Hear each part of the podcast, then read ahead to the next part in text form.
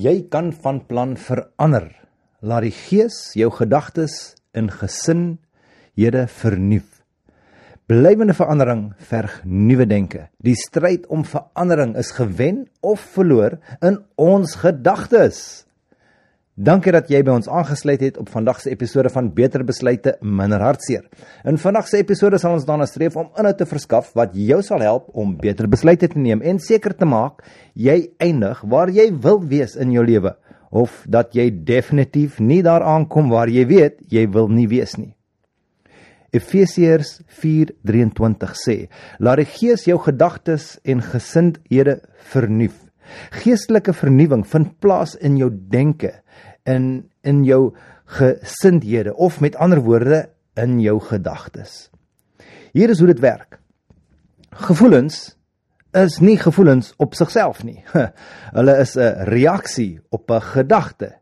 Daar is iets wat jy dink en dan reageer ons. En dit is wat ons dink wat bepaal hoe ons voel. En wat ons voel bepaal hoe ons optree.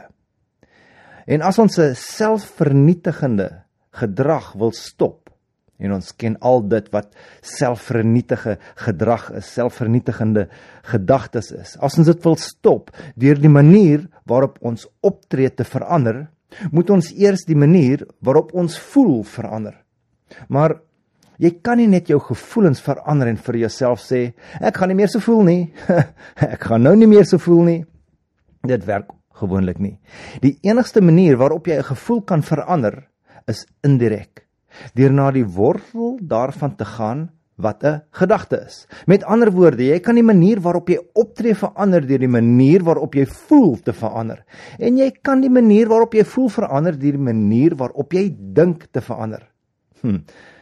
Nou gelukkig is daar 'n Bybelse woord vir hierdie proses. Bekering.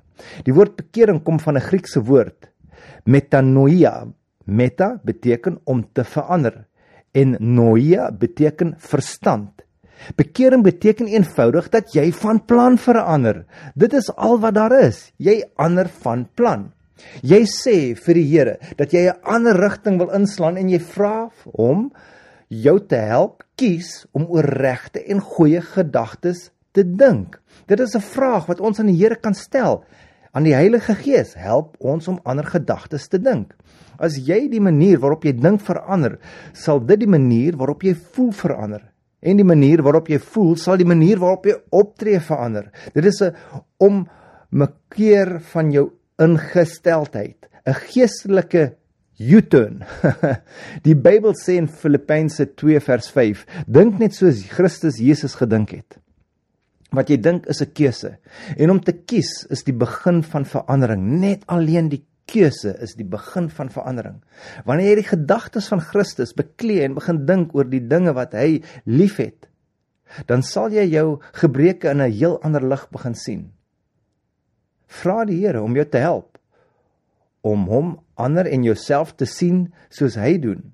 En jy sal die veranderinge begin sien wat hy in jou lewe wil maak. Praat daaroor. Dink aan die laaste keer wat jy 'n sterk emosie ervaar het. Hoe het jou gedagtes, hoe jy gevoel het, beïnvloed? Wat is iets in jou lewe waaroor jy vandag moet bekeer om van plan te verander? Vandag, nou in hierdie oomblik. Hoe kan jy die goeie en regte dinge weet waaroor die Here wil hê jy moet dink? God het ons lief. Maak nie saak wat ons gedoen het nie. En omdat ons mense is, het ons Satan se se vrugte gevat en is ons meer kere in sonde vasgehaak as wat ons kan tel almal van ons. Maar maak nie saak wat jy ek ons gedoen het of waar jy ek ons was nie. Jy het 'n plek in die Here se ewige familie gered en dit wag vir jou. Die uitnodiging is waarwyd oop. Glo en ontvang net. Die vraag is is ons gereed? Hier is ge gebed waarmee ons kan begin almagtige Vader Ek weet dat wanneer ek sterf, ek direk aan jou rekenskap van my lewe gaan gee. Ek bely ek het jou geïgnoreer. Ek weet ek het teen jou gesondig en ek het volgens my plan gelewe. Nie joune nie. Ek wil hê dit moet verander. Begin nou. Ek wil wegdryf van my sondes en na U toe draai. Baie dankie dat jy na vandag se program op Beter Besluite min raadseer geluister het. As jy voel daar is iemand wat daarna moet luister, stuur die skakel en deel dit asseblief. Die inhoud wat in hierdie podcast gebruik word, is gebaseer op verskeie bronne van Christelike bedieninge. My naam is Haiku, mag die Here jou seën en onthou, aanhou oorwen.